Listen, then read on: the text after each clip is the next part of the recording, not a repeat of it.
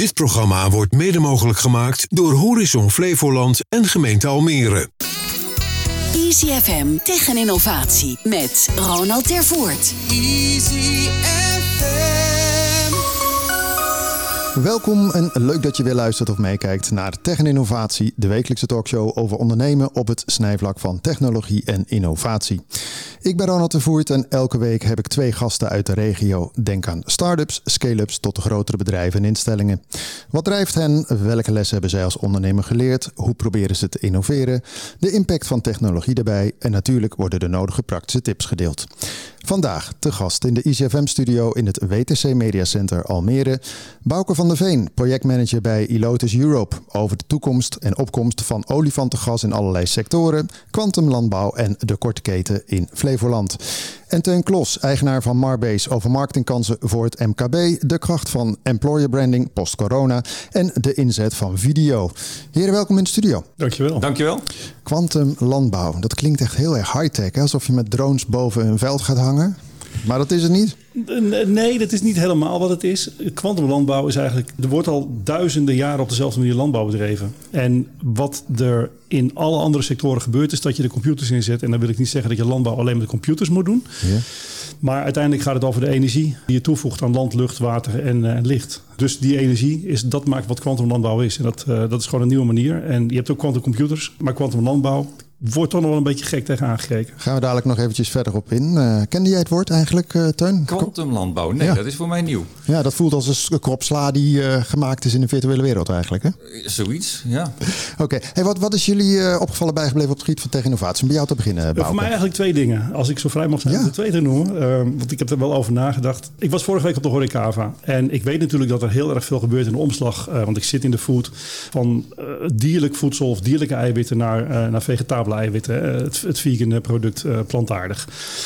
Wat ik daar zag, overtrof echt al mijn verwachtingen. Want er was zo verschrikkelijk groot aanbod in vegan producten, plantaardige producten. Waarvan ik eigenlijk vond, ik heb er ook heel veel geproefd. Uh, ik, ik, vind het mooi dat die ontwikkeling er is. Want ik heb ook altijd gezegd, mensen moeten minder vlees eten. En als je vlees eet, moet je bewust kiezen. En als je het helemaal laat staan, weet je ook helemaal prima. Maar er moet wel een alternatief zijn. Maar al die producten hadden eigenlijk een soort van saus nodig. Of ik kon het echt herkennen als een soort van burger. Of als een, een, een nagemaakte garnaal of dat soort dingen. Dan denk ik, waarom wordt er niet gewoon iets totaal anders meegemaakt? Want het moet maar op een burger lijken terwijl mensen dat niet willen. Of het moet op een garnaal lijken. En er was een vegan tonijnsalade. Dan denk ik, oké, okay, er zit heel veel mayonaise en dat, dat is natuurlijk allemaal vegan.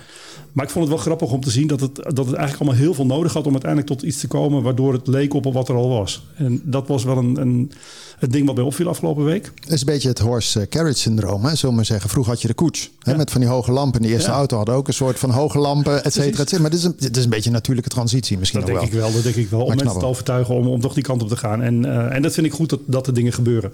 Dat vond ik echt wel, moet ik zeggen, ja. Een ding wat ik echt wat me wel opviel. Uh, het tweede is dat ik, uh, nu ik in het, het toch wel het duurzame gewas zit, hè, voor Elotis, wordt er de afgelopen tijd zie ik echt waanzinnig veel gebeuren om die richting. Het kan wel zijn als je normaal gesproken een blauwe auto rijdt, dat je alleen maar blauwe auto's op de weg ziet. Hè? Ja. Dat, dat heb je of als je, als je been gebroken hebt, dan heeft de hele wereld hem gebroken. Ja, precies. dan zie je dus de dingen die je wil zien. Maar uiteindelijk, uh, daar vond ik ook, je ziet zo verschrikkelijk veel gebeuren. Er is veel in de media, er is veel aandacht voor. Vorige week weer een prachtig artikel van Jan Willem van de Groep in het Trouw over biobased wonen. Of biobased bouwen moet ik zeggen, maar uiteindelijk ga je er dan in wonen. Dus daar is heel, heel erg veel in gaande. En dat vind ik echt wel een grote innovatie. Ja, maar dan gaan we sowieso natuurlijk straks uh, ja. eens even over hè, het olifantengas wat ik net al even noemde. Weet je wat het is, olifantengas, uh, Teun? Nou, inmiddels wel. Oh, je had ik natuurlijk even opgezocht. Een uh... beetje voorbereid, maar ah. uh, minimaal hoor.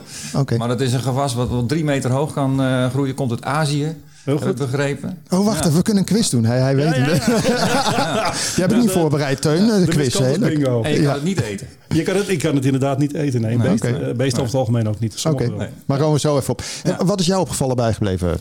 Eigenlijk twee dingen. Ook al twee dingen. Jullie Ja, maken. ja, maar, maar ga door. Ja, de ene eh, is een security eh, dingetje of een eh, ja, cyber eh, criminaliteit. Hè? Laatst het nieuws dat die voor corona was dat op een bepaald level. Tijdens de corona is dat echt, heeft dat een vlucht genomen en blijft eigenlijk aan. Ook na corona, dat is wel opvallend. Maar ook opvallend is dat dat onder jongeren echt een, dat daar een toename is. In eh, die cybercriminaliteit. Maar bedoel je dan dat ze dingen gaan WhatsApp fraude- Nou, WhatsApp-fraude Oké. e-mailtjes, eh, phishing eh, en dat soort activiteiten. En dat ze ook de technieken daarvoor en de tools die daarvoor gebruikt worden ook online met elkaar delen. Via Ja. TikTok bijvoorbeeld. En dat er gewoon tutorials zijn. Hoe kom jij daar nou bij? Was dat onderzoek of heb je zelf ook weer Ja, eh, dat research kom- gedaan dat, dat voor kom jezelf? Ik gewoon, kom gewoon tegen. Je voelt je ook jonger, je gaat ook even kijken. Nee, maar eh, oké. Ja, Want je kan ja. tegenwoordig wel pakketten gewoon kopen. Heb ik wel eens begrepen in de tijd van die ransomware. Je kan gewoon Ja. voor 1000 euro koop je een pakketje. Ja, ja en, En dan, dat, eh, dat schijnen jongeren ook te delen. En dat is natuurlijk wel een, een, een, een dingetje. Want eh, dat is ook een manier om in de criminaliteit terecht te komen. Een hè. zorgelijke ontwikkeling. Ja, zeker. Het geld wat ze daarmee verdienen, dat wordt vaak dan ook weer uitgegeven aan eh, het kopen van drugs. Er wordt weer verhandeld. En eh, dat is wel een eh, zorgelijke ontwikkeling. Ja. Heb jij vanuit jou, want je zit natuurlijk in de marketing, hè, komen we straks ook verder over te spreken. Gebruik jij heel veel van die tools, zal ik maar zeggen, heel veel data-gedreven tools? Want dit is ook allemaal zeg maar data-driven en eh, hè, hocus pocus, maar er gebeurt Ja, en daar ander. ontkom, je, daar ontkom je niet aan. Nee, je gebruikt inderdaad een aantal tools. En als we het toch over data hebben, en eh, dat is eigenlijk de tweede ontwikkeling die me opviel, is vorige week eigenlijk ook al aan de orde geweest, is de AI natuurlijk. Hè? De eh, chat GPT. Ja. Onder, onder andere, onder andere. Ja, er zijn er al een heleboel van dat soort tools. Hè. De- dat is natuurlijk voor tekst, maar je hebt ze ook voor beeld, eh, voor 3D-ontwikkelingen. en ja, dat is eh, in, op het gebied van marketing natuurlijk al een dingetje. Eh, wat ik in mijn vakgebied doe, is ook het ontwikkelen van content voor eh, MKB. eh, Want ik richt me met name op het MKB. En ja, dat kan natuurlijk heel eenvoudig ook met een chat GPT. Ja, dit is ook het laatste interview, denk ik, wat je ooit gaat doen, Teun. Ik bedoel, over een tijdje is het gewoon AI het is. En dan komt zo'n eh, dingetje zitten. Nee, maar, Ja, maar het gaat ver. Het gaat, het gaat zeker ver. En eh, nou ja, daar moet je als, eh, als marketeer moet je daar, eh, daar moet je wat mee. Ja, nee, maar ik, ik spreek redelijk wat mensen natuurlijk ook voor verschillende dingen. En die, die zitten toch allemaal wel op de chat eh, GPT. Ja. Hè, of het nou een spellenfabrikant is of whatever. Het, het, het gaat heel ver. Oh, nou ja, op scholen, als je weer de link naar eh, studenten maakt, die hoeft niks meer te doen. Dat is makkelijke bouw. Nou, Gewoon niks, inkletsen niks. en dan eh, krijg je een 8,3 zag ik. Ik heb het van de week geprobeerd en Oh. ik, wilde iets doen. Dus ik denk van, nou weet je, wat is nou... Ik, ik was bezig om, om... We zijn een nieuwe website ontwerpen voor, eh voor, voor Miscantus. Tenminste voor ons product. En toen dacht ik van, oké, wat als ik nou een goede tagline zoek. Ik had er eentje bedacht, ik tik het in. Ik vraag aan die chat. Ik zeg, wat is nou een goede tagline? Nou, wat wil ik? kwam precies hetzelfde uit wat ik bedacht had. Dat is toch ongelooflijk? Wat zegt dat over de AI? Dat het heel slim is. Ja, ja precies. Maar nee, maar dat is. eh, Ik heb het nog niet geprobeerd, moet ik zeggen. Maar het schijnt inderdaad super simpel te zijn. Ja. En ik heb mijn dochter van 15, die, daar, daar is nog iets eh, te, te jong voor. Ja. Maar het is toch wel een nieuwe trend. Hè? Denk ik van ja, het is toch lollig dat kids dat toch pakken en dan een eh, scriptie gaan schrijven.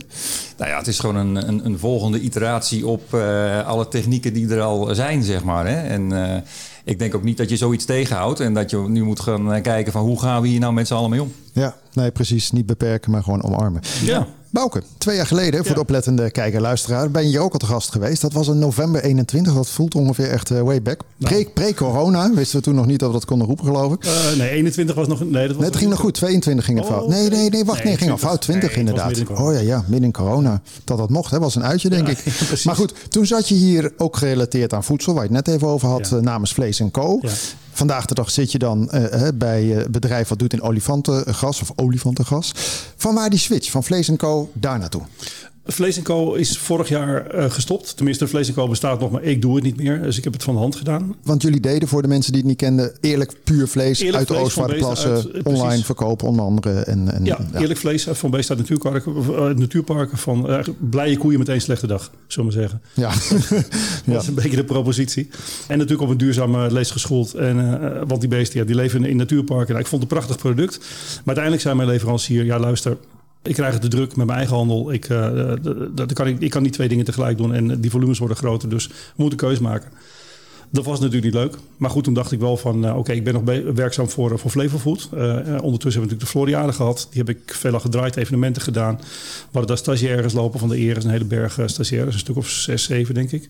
Dus dat moet ik allemaal, allemaal gecoördineerd worden. Dus daar komen we echt tot, eh, tot, of tot oktober best wel druk om maken. En eh, net voor die tijd, denk september, kwam er een propositie over het olifantengras. En toen dacht ik van ja, dat vind ik een interessant gewas. Want het sluit wel heel erg aan bij wat ik wil. En eh, bij mijn netwerk en bij mijn kennis. En ik kan er heel veel dingen in doen. Eh, eigenlijk gewoon een bedrijf bouwen. Eh, gewoon.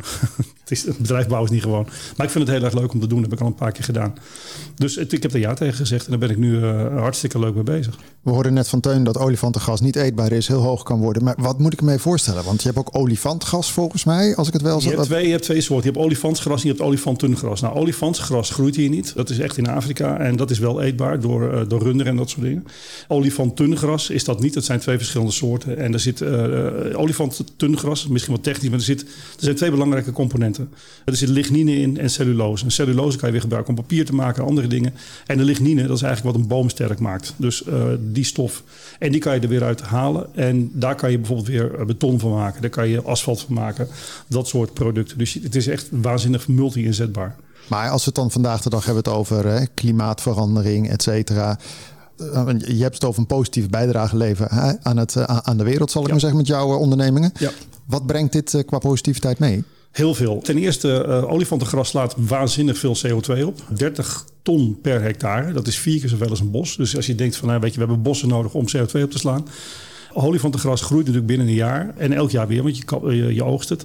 Dus het slaat 30 ton op. En afhankelijk van hoe je het gebruikt, sla je natuurlijk die CO2 uiteindelijk ook op in, in, in het systeem van de wereld, ja of nee.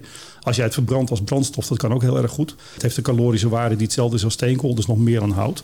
En het groeit veel sneller dan hout. Dus ik bedoel, dat zijn alleen maar voordelen. Maar als je er beton van maakt, of je maakt er asfalt van, dan sla je natuurlijk ook gewoon die CO2 op in de muren van je huis. En dan is het voor de aankomende 150 jaar, of hoe lang dat huis dan ook staat, is het geborgd. En dat is een heel leuk verdienmodel voor boeren. Want dan praat je over carbon credits om de koolstof vast te leggen. En dat is natuurlijk wat het super interessant maakt voor boeren. Dus heb je en opbrengst van je gewas. Je hebt carbon credits en je hebt nog een keer een GLB. Uh, dat is een subsidie van de overheid. Die boeren krijgen als ze op een bepaalde manier met hun land omgaan en wat voor gewassen ze erop zetten. dat is een heel ingewikkeld systeem. Maar uiteindelijk kan je daar uh, brons, zilver en goud in winnen. En als je dus goud hebt, of winnen, krijgen, afhankelijk van hoe goed je het doet. En als je uh, goud hebt, dan, uh, dan krijg je toch 200 euro per hectare weer extra van de overheid. Hoe, nou, be hoe bekend is dit bij onze boeren, Bouke? Dat GLB of de, of de olifantengras? Het olifantengras?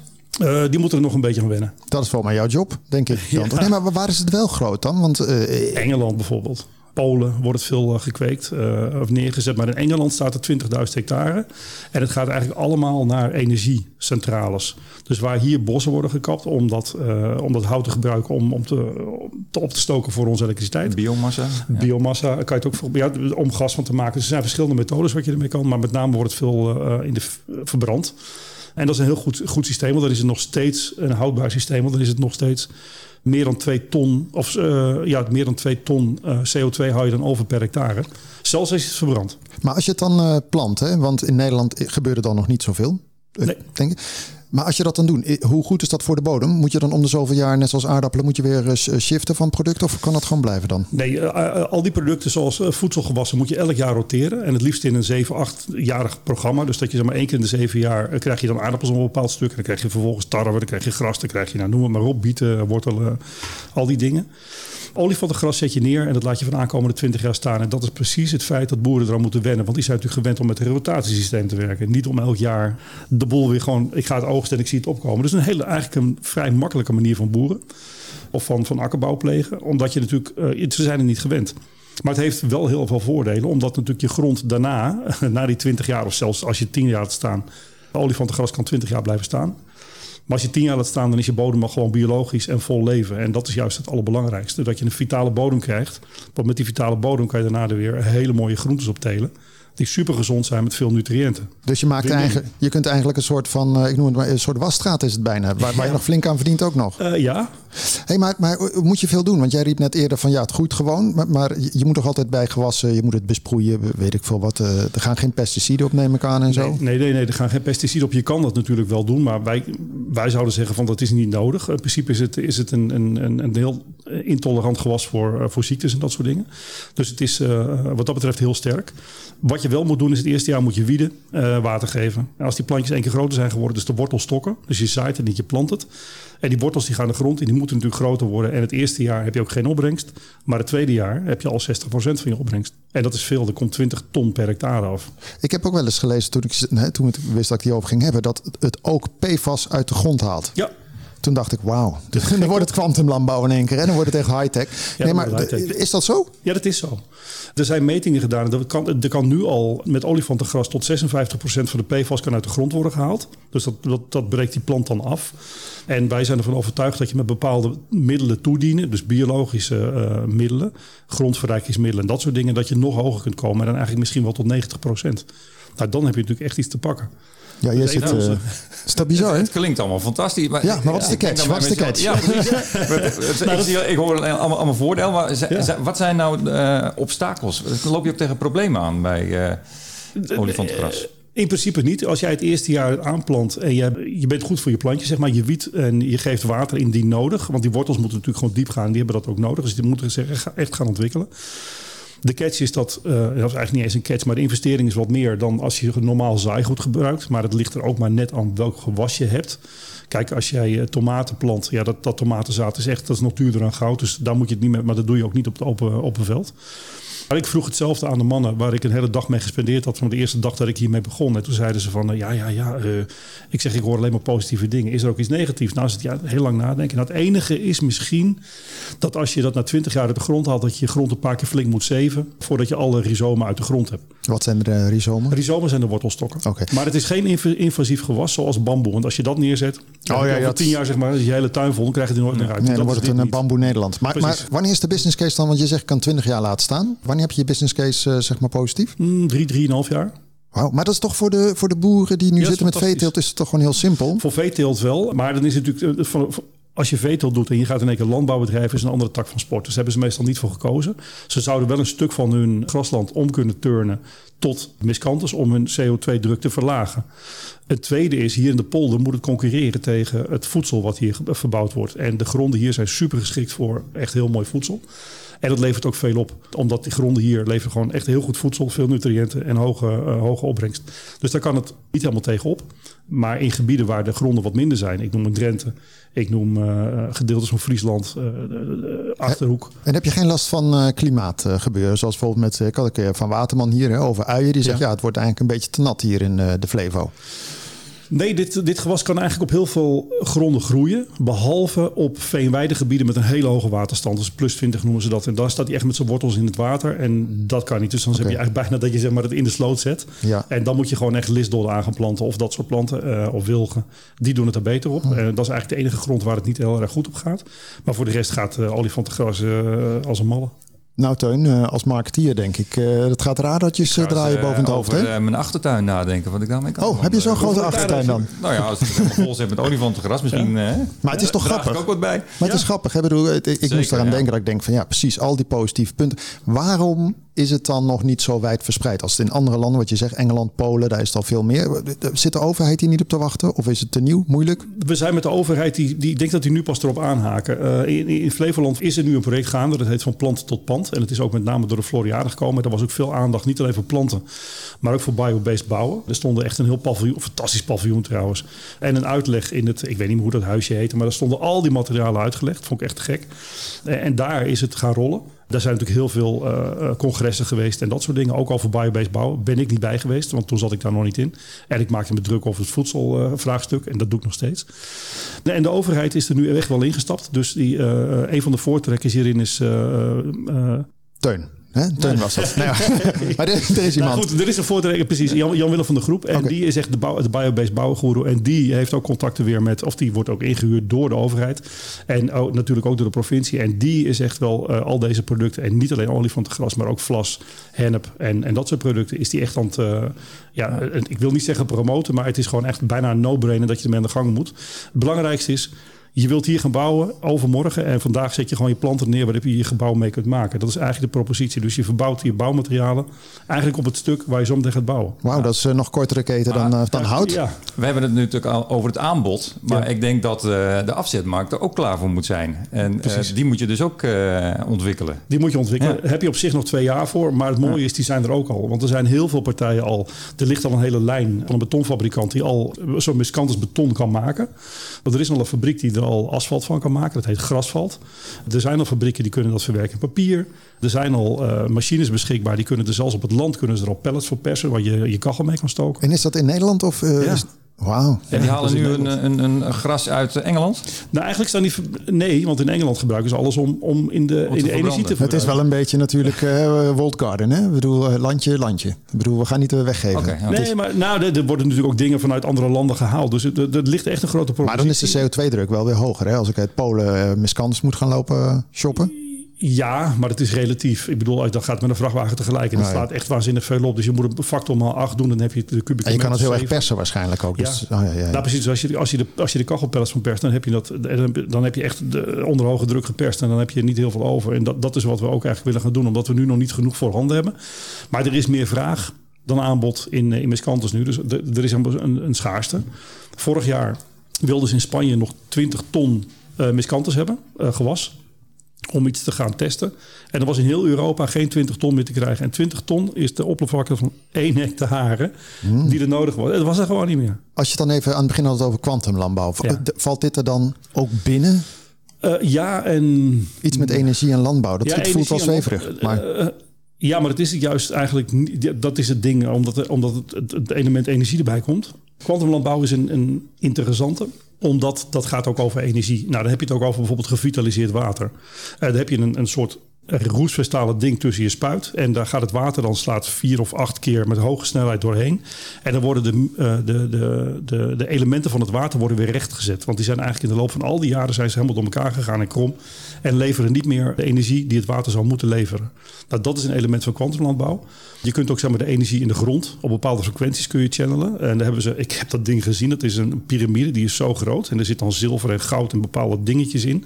Heel, een heel klein beetje, eh, bepaalde hoeveelheden. En dat, dat meet je dan in eh, bepaalde waardes. In, in levenswaarden druk je dat uit. Boven is. Voelt een beetje als een wiggelroede pakken en het land oplopen en eh, energy. Eh, dat is precies wat het is. Alleen Hm. dan, het, is, het, het, het heeft er wel mee te maken. Dus wat je met een wiggelroede kan meten, kan je dus ook met deze dingen doen. En die stralen dan. En die kun je op bepaalde frequenties inmeten. Dat hoeft niet, maar dat kan wel om bepaalde ziektes tegen te gaan. En om de levenskracht van de planten en van de bollen te vergroten.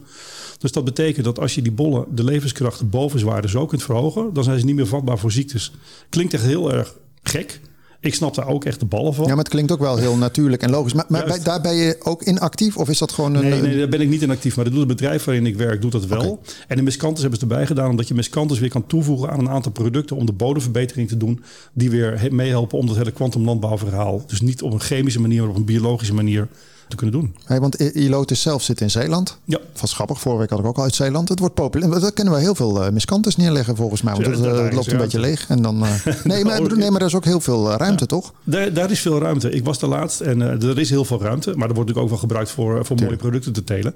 Toevallig zit Elotus daar omdat ze een groot project hebben gedaan in de provincie Zeeland. En dan is het handig om ook daar te zitten. De eigenaar die woont in Drenthe. Het kan wel zijn dat het over twee jaar in het midden van Nederland zit. Eh. Of nog een kantoor. Even een paar dingen, want eh, jij bent hier nu mee bezig eh, sinds september 22 volgens mij. Met hoeveel mensen doe je dit? Ben je nog gewoon een frontrunner? Of zit je al met meerdere mensen Nee, hierop? we zitten met meerdere mensen hierop. Uh, de, de, de, eigenaar zit hierbij. Uh, uiteraard, die weet hier, hij is bioloog van oorsprong. Die weet veel meer van dat soort natuurlijke dingen dan ik. Ik bedoel, ik ben opgegroeid in de retail. En ik weet hoe ik dingen moet vermarkten. En ik heb inmiddels in de afgelopen jaren geleerd hoe het werkt met eten. Dat heeft altijd mijn interesse gehad.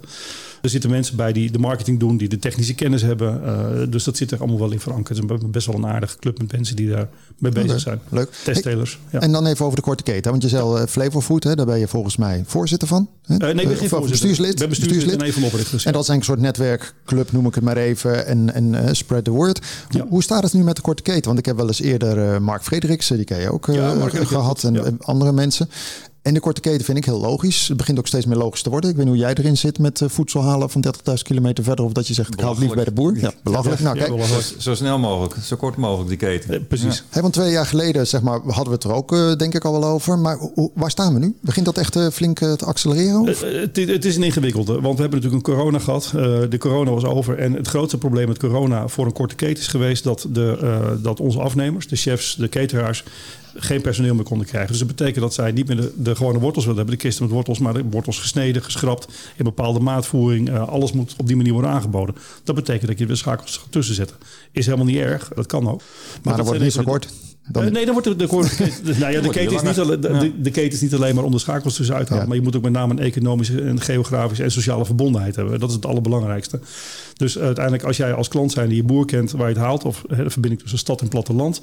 Dan krijg je de connectie. Zijn mensen bereid om er iets meer voor te betalen. En zelfs iets meer betalen. Misschien zelfs nog wel minder dan tegenwoordig in de supermarkt. Want de Ja. prijzen reizen de pan uit. Ook omdat gewoon de inkoop duurder wordt. Als ik nou kijk naar de prijzen van de aardappels en de uien nu. Schrikbarend hoog. Ja. Gewoon afboerderij. Ja. Dus daar, daar is nog wel wat te doen. Maar het is we, wel we nog, we redelijk- hebben nog veel te doen, ook in de korte keten. Maar we hebben wel afgelopen week hebben wij een, eh, een communicatie de deur uit gedaan. Dat we officieel met een aantal andere gebieden zijn gaan samenwerken. Dat deden we al. Maar we, we gaan het nu ook officieel doen, echt in een collectief. Om uiteindelijk meer draagvlak te creëren. En wij zijn nu met het collectief wat we hebben, de grootste samenwerkende korte ketenpartijen binnen heel Europa. Dat is natuurlijk wel Oh, fantastisch. wauw. Nou, Ja, dat is wel een mijlpaaltje. Ik, ik voel een marketingmomentje aankomen, Teun. Ben jij trouwens van de korte keten thuis? Of eh, zit je nog gewoon eh, supermarkt en... ik ben wel voor, maar ik doe het nog niet. Nou, ehm, ik, ben- ik ben nog wel van de supermarkt, moet ik eerlijk zeggen. Maar ik heb wel om me heen gekeken waar ik bijvoorbeeld mijn vlees ergens kan halen. Zeg maar rechtstreeks bij de boer. Ja. En eh, daar zijn in de polder ook punten voor waar je dat kunt, eh, kunt regelen. Ja. Dus daar heb ik al naar gekeken. Ja. Ik, eh, ik doe al een tijdje, voor mij is dat net nadat we elkaar spraken, ooit Bouke, begonnen ook inderdaad met zo'n eh, stadstuin-achtig iets waar ik alleen maar hoef te, te komen oogsten en binnenkort in andere. Maar je proeft het verschil, hè? Dat je een rode kool hebt uit de tuin of van de Appie of van de Dirk of van de Jumbo. Dat, dat je denkt van, oh ja, dit is echt een hele andere case. Ja. Ja, ja nou, dat heeft natuurlijk met de nutriëntengehalte te maken. Dus waar heeft het gegroeid? Eh, ik blijf erbij als het met liefde gegroeid is. En dat is wel gewoon van landbouw. Zo simpel is het ook. Hè? Als jij er aandacht aan geeft en je, je teelt dat met liefde... ben ik ervan overtuigd dat je een beter product krijgt... dan dat je dat in ieder geval op wol doet. Of Ja. weet ik wat, meer steenwol of noem het maar op. In die kas. Ik bedoel, je moet, het is een dilemma. Je moet heel veel productie draaien. En je moet heel veel volume maken om alle monden te voeden. Mhm. En anderzijds wil je het ook gewoon op een traditionele, goede manier doen... om zoveel mogelijk nutriënten in je product te hebben. Ja. Dus eh, dat gaat niet altijd even goed samen. Nee, maar toch staan we een beetje, heb ik wel het idee, op een soort van kantelpunt. Nou, jij bent bezig dan met vlees. Ik eet al helemaal bijna geen vlees meer. Ik vergeet het vleesvak zelfs, maar goed, dat is een hele andere discussie. Nou, ik ook hoor. Nou, Ja, ik, ik, toch? ik denk dat ik twee keer in de week vlees eet. En Ja. voor de rest eh, vlees vervangen of geen vlees. Of, eh, ja. Ja, ik had die Vlees eet, wel goed vlees. Ja, En oh ja, dat kan weer. Komt u weer bij vlees en ko. Zijn we het balletjes weer rond. Ja. En Mathieu, jij bent eh, eigenaar van Marbase, marketingbureau gevestigd in Lelystad. En wat je al eerder zegt, Ja. gericht op het MKB. ja. Waarom op het MKB? Is daar eh, nog eh, veel meer te doen dan in andere takken? Nou nee, er is overal heel veel te doen. Daar ben ik een beetje ingerold eigenlijk. Maar ik merk wel dat binnen het MKB de behoefte aan eh, hulp en ondersteuning op het gebied van marketing heel eh, groot is. Omdat men daar vaak niet weet waar te beginnen. De, de capaciteit niet heeft om, eh, om iets op te pakken, de tijd niet heeft. En ook al wat aan kennis ont, eh, ontbreekt. Waarbij je in grotere organisaties, daar, ja, er is vaak een, een marketeer of een hele marketingafdeling eh, aanwezig. En- En, en doe je dan MKB, eh, zeg maar, ik noem wat 20 tot 200 man? Of is het eh, groter nog? Nou, 20 tot 150 eh, 150. zo'n beetje. En eh, ja, dan is er misschien net een, een, een, een kleine marketingafdeling die wat eh, eh, expertise op eh, bepaalde gebieden nodig heeft, waarbij ik eh, inspring.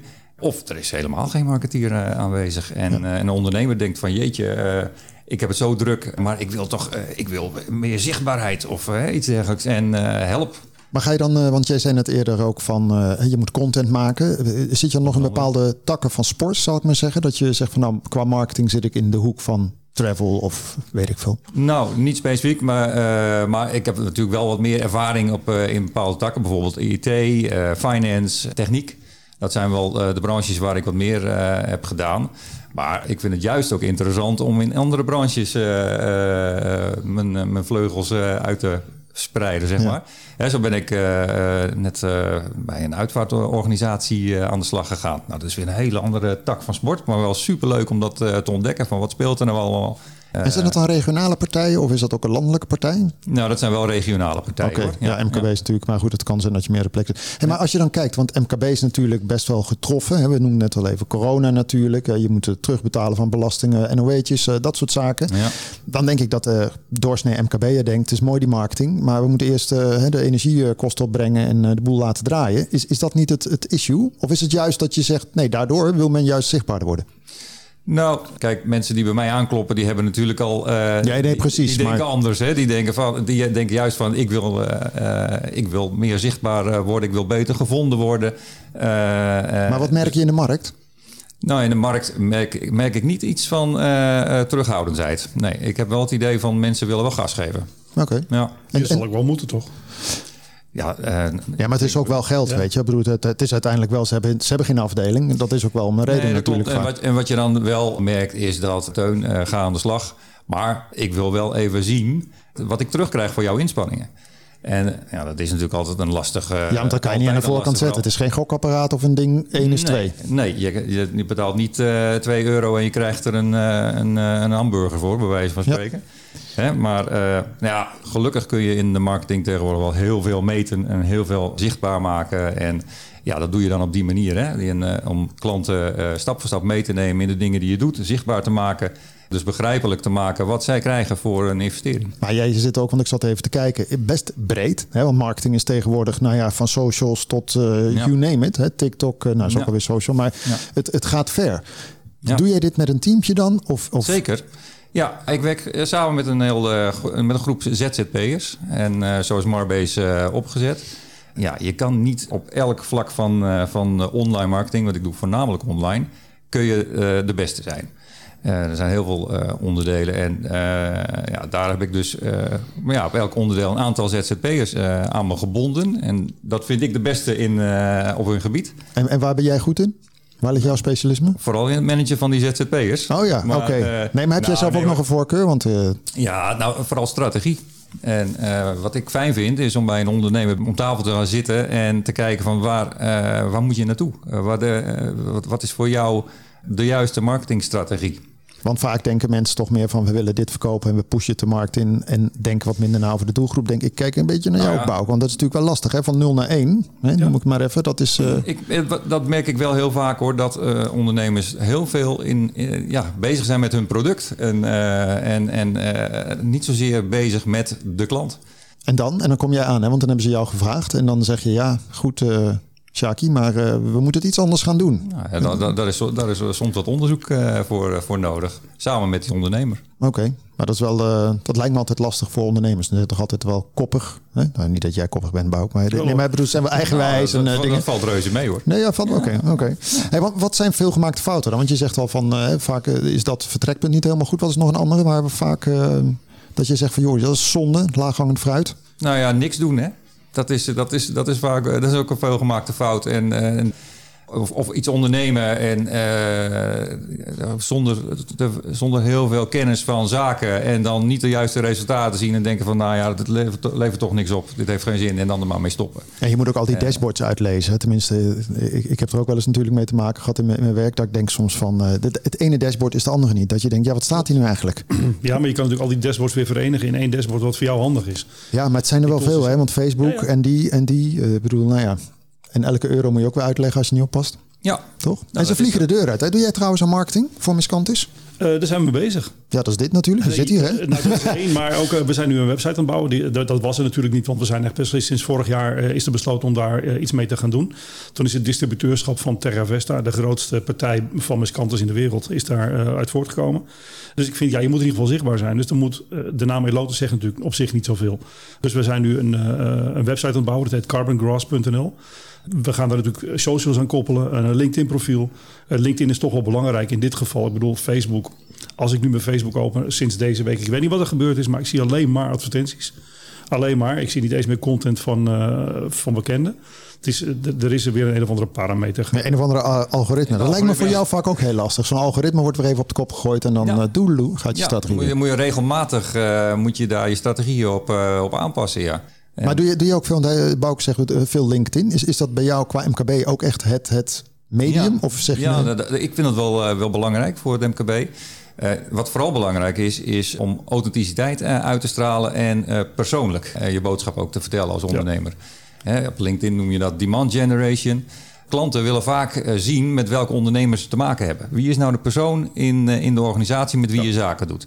Nou, in die zin is het dus belangrijk dat je als ondernemer ook veel vertelt over ja, waar je mee bezig bent. En waarom je die dingen doet die, je- die je doet. Wat is nou het doel van je organisatie? Uh, en vind je dan video het middel bijvoorbeeld? Hè? Want ik had laatst hier uh, Linda Gaanhoog zitten. Daar ging het over storytelling. Hè? Dat heel veel bedrijven denken, ja, wat moet ik vertellen? Nou, jij, jij weet genoeg te vertellen, jij ook. Maar dat, ja. sommige mensen denken, ja, ik werk in de IT. Dat is niet zo interessant. Maar wat Vi doe je video? Is video storytelling? Zeker, video is een middel. Het hangt even van je boodschap af, wat je wil, uh, wat je wil vertellen. En, voor sommige boodschappen is video gewoon uitermate geschikt. Vooral ook omdat je daar emotie in, in kan leggen. En video wordt eigenlijk nog wel te weinig gebruikt. Het is wel in opmars. En uh, vooral ook uh, dit jaar verwacht ik dat er bijvoorbeeld interactieve video uh, veel, meer gaat, veel meer gebruik van gaat worden gemaakt. En wat is interactief? dat is bijvoorbeeld een video waarin je in de video op linkjes kunt gaan klikken. Oh ja, ja. En, um, en bijvoorbeeld YouTube heeft er, of Netflix heeft er ook wel eens een. Mee experimenteert er ook mee. Dat je zelf kunt aangeven welke kant de video op gaat. Dat zou voor producten bijvoorbeeld. Maar is dat een nieuwe trend ook? Want die, die had ik nou, nog dat niet. Is, uh... Dat is wel iets wat in ontwikkeling is nu. Okay. Dus uh, als, je, als je het over je diensten of producten hebt uh, en, en je laat een video aan een klant zien en die denkt van, oké, okay, ik vind dit een leuk product, dan wil ik het meer over weet je, ja. dat je binnen die video. Ja een bepaalde kant op kunt gaan. Ik, ik heb ooit nog een keer voor een bedrijf gewerkt die wereldwijd actief was met shoppable video. En ja. niet voor de minste partijen. Maar ik moet je zeggen, dat is toch een, uh, ook een mindset weer. Hoor. Dat mensen denken van, moet nog klikken. En dan voordat je die funnel door bent en daadwerkelijk. Ja. Maar goed, dus eventjes nog over wat ik aan het begin zei. employer branding of employee branding. Ik weet niet hoe je het precies moet zeggen. Maar mensen krijgen, behouden. Dat is natuurlijk vandaag de dag wel key. Ja. Heb je ook bij de MKB's waarvoor jij werkt, uh, dat ze daar ook heel erg op gebrand zijn? Zeker. Ja, ik werk voor een aantal uh, organisaties uh, die bijvoorbeeld ook actief zijn in de detachering. En daarvoor is het natuurlijk super belangrijk om continu aanwas van mensen te, te, hebben. Maar dan is video, ik noem of Snap, mijn oudste dochter gebruikt het veel. Maar ik bedoel, dat soort ja. visuele attributen, die zijn toch heel, heel ja, eigenlijk key? Zeker, ook heel erg belangrijk. Vooral omdat je ook wil laten zien ja, wie je bent als uh, organisatie, hè, wie je bent als werkgever. Daar wil je ook, nou ja, wat ik net al aangaf, hè, je, je doel van de organisatie, maar ook de waarde die je hebt als een, als een organisatie, als werkgever. Hè, want er is wel een verschil tussen een merk en een werkgeversmerk. Die waarden die je hebt als werkgever wil je ook uitstralen. En dat kan heel goed met video. Maar gebeurt dat uh, voldoende, vind je? Want ik, ik heb het hier dat nog een beetje in zijn kinderschoenen staan. Dat mensen toch wel wat je net zegt zitten van... ja, we hebben een mok en die willen we verkopen. Of we hebben miskantus ja. willen verkopen. Ja, dat gebeurt nog onvoldoende inderdaad. Vooral in het MKB. En daar is uh, met name nog vacatures pushen. Ja. Uh, hè, wat, wat je veel ziet. Ja, er wordt, wordt wel een kleine omslag gemaakt. Hoor. Men ziet wel van ja, ik moet inderdaad meer laten zien van, van mijn organisatie. En er worden dus wat interviewtjes gedaan met medewerkers. En, en, en ook wel in video. En van nou, hoe is het, hier om, te, hoe is het om hier te werken? Maar wat je, wat je eigenlijk meer wil doen, is de, de, de waarden die je hebt als werkgever, het doel wat je hebt als organisatie, dat moet gevoeld worden door Ja, werknemers. Precies. En die, eh, alleen als ze dat voelen, dan straal, ja, dat, straal je dat ook meer uit als organisatie. En dat moet je dan wel laten zien ook. Hebben jullie eigenlijk, Pauke, hè, want eh, we hebben het net over MKB, die dan bijvoorbeeld niet zelf een marketingpersoon of afdeling heeft. Eh, We hadden het over marketing bij jullie. Ik neem aan dat jullie nog gewoon zitten van dat doen we zelf. Of, of heb je dan ideeën dat je dat bij een bureau moet neerleggen? Nee, we zijn, we zijn niet zelf een website aan het bouwen. Dat doen, dat Nee, nee, dat snap ik. Neem maar gewoon even qua eh, gewoon de marketingstrategie. Dat bedoel ik meer. Dat je een topje hebt die dat eh, in de gaten houdt. Nee, ik weet zelf ook wel iets van marketing. Dus ik heb, ik heb wel in ieder geval een gedeelte van het marketingplan zelf geschreven. Dat was er niet. Dus ik denk, nou, daar moet ik maar eens mee beginnen. Want dat vind ik wel belangrijk. En wat staat er natuurlijk in? eh, wat je zegt, je doel, eh, je visie, je missie, je kernwaarden. Dat vind ik het allerbelangrijkste. Daar kan je de rest aan, aan afhangen. Als je dat hebt, kan je de rest eigenlijk wel invullen. Nou, ik, heb, ik, eh, ik heb vroeger ook wel eh, een marketingopleiding gehad. Dus het is voor mij ook niet... Dus jij bent eigenlijk de marketeer dan? Nou, ook. voor nu ben ik ook marketeer. Nee, maar bedoel, dat is dan even zo geregeld. Dat bedoel ik. Van, Ja. eh, van oké, mooi. Ja, dat, dat is het inderdaad. Maar goed, we zetten ook wel dingen weg bij andere mensen. Dus bijvoorbeeld, ik, ik ben niet goed in het schrijven van tekst. Ik kan wel tekst op papier zetten. Maar ik kan niet dat kort en bondig doen. Weet je. Dus dat alles wat ik op papier... dat gaat wel weer naar iemand toe die daar wat van kan Daar hebben maken. we dan nu eh ChatGPT voor. Ja, precies. Oh ja. Nou, ja, dat kan. Dat is echt ongeveer een soort toverwoord. Ik, ik- voor mij gaan we in elke gesprek Nou, nee, eh, nee, tegenwoordig komt het langs. Hey, we- zijn weer richting het einde van het programma. Dan gaan we altijd even kijken waar je op verheugt komende week. Nou, eh, Teun, eh, waar verheug je op? Nou, ik heb deze week een handtekening gezet eh, bij een eh, nieuwe eh, opdrachtgever. Dus, en dan gaan we volgende week, dan ga ik in februari starten. Volgende week gaan we daar de voorbereidingen voor doen. Dus daar kijk ik heel erg naar uit. En zijn dat dan vaak lange trajecten? Of dat is heel onduidelijk nog aan Nou, het dat, begin? dat hangt even van de opdracht af. Oké. Als je inderdaad alle facetten van, van online marketing gaat aan, dan is het een wat langer traject. In dit geval is het vooral social media beheer en het ontwikkelen van wat content voor die, voor die social media. En dat is niet zo'n heel lang traject. Dus eh, daar gaan we volgende week mee aan de slag. Ik kan me ook voorstellen dat jij binnenkomt op X en voordat je het weet, eh, doe je echt Gebeurt het hele ook. alfabet. Ja, Toch? dat gebeurt ook. Ja, ja wat in de afgelopen tijd verandert ook de behoefte natuurlijk. Ja. Ja. Oké. Bouke, waar verheug jij je op komende week? Eh, aankomende week verheug ik me heel erg om, dat is voor ons zeg maar de deadline om de, de aanplantmateriaal eh, te, te moeten bestellen voor het aankomend seizoen. Eh, dus we zijn met heel veel gesprekken bezig met heel veel telers, grondbezitters, eh, boeren, om te kijken van wat kun je daar kwijt. En dat vind ik eigenlijk wel heel erg spannend, want eh, eh, wat ik net zei, de- nog niet elke boer is eh, overtuigd dat dit een goed eh, item is om vorm en eh, en waarschijnlijk ook om hele goede redenen. Dus dat vind ik wel een, een, een spannend traject voor aankomende week. Waar in Nederland zit de meeste interesse eigenlijk in dit? eh Nou, heel? Nederland breed. Er staat nu ongeveer, ik geloof iets van 600 hectare in Nederland. Dus eh, niet alleen van ons, maar dat staat er al. Bijvoorbeeld als je naar Schiphol rijdt, eh, er staat heel veel. En dat hebben ze met name er aangeplant om de ganzen te weren. Buiten dat het een heel goed gewas is. Maar ganzen, omdat het heel hoog gewas is, die durven daar niet in. Of die gaan daar niet in. Dus uit, weer een voordeel. Dus je, Maar- kan, dus, dus je kan eigenlijk gewoon naast de vertrekbaan van eh, Schiphol zit dadelijk miskant. Nou, lijkt me niet zo heel. Ja, maar dat is niet zo heel fris. Kerosine of je Eh, mis- nou, nee, je gaat het toch niet eten. Nee, je gaat niet- nee, dat is waar. Nee, je eet het niet. Damn, dat is slim. Ja, Nou, en mocht de Schiphol een baantje sluiten, dan eh, trekken we gewoon het asfalt eruit en wordt het helemaal miskant. Dus. nou, dat zou fijn zijn. Het is, een- het is een mooie eh, trailer ook voor je. Hè? Kun je gewoon neerzetten, gewoon een bord er neer. Eh, Hier zit miskantus, Ja. weet je wel? Dat is mooie Eh, marketing. nou, dichterbij kan het ook wel in Almere. Langs de A6, de oude parkeerplaats van de, van de Floriade bijvoorbeeld. ja. Nou ja, Daar zijn we mee bezig. en eh, Lelystad, jij komt uit Lelystad, Teun. eh, dus als je miskantus Aan ziet eh, bij, de, de A6, eh. nou, bij de airport, denk ik. Een hele mooie groene tunnel waar je doorheen rijdt. Dat is toch fantastisch? Ja, absoluut. Ja. Ja, je rijdt al door een groene tunnel eigenlijk. Ja, top. Hey, eh, Bouke van der Veen, projectmanager bij eh, Ilotus Europe en bestuurslid Flevo Food en alle andere zaken die je doet. En Teun Klos, eigenaar van Marbase. Dank je hartelijk voor het eh, prettige gesprek. Graag gedaan. Jij bedankt. En eh, ja, ik, ik, ik vind het... ja, jij, jij kent het ook nog niet, miskant. Dus bij deze ben je ook weer geïnformeerd. Nog Ik heb beter. weer veel geleerd vandaag. Ja, precies. Is gelijks. Jij bedankt voor het kijken, dan wel het luisteren naar deze aflevering. Wil je nog meer eh, afleveringen terugkijken of luisteren? Check dan even de app van EasyFM. Dan wel het kan dan meer de techplatform of de andere streamingsdiensten. Hele fijne week. Tot de volgende keer. Dit programma werd mede mogelijk gemaakt door Horizon Flevoland en gemeente Almere.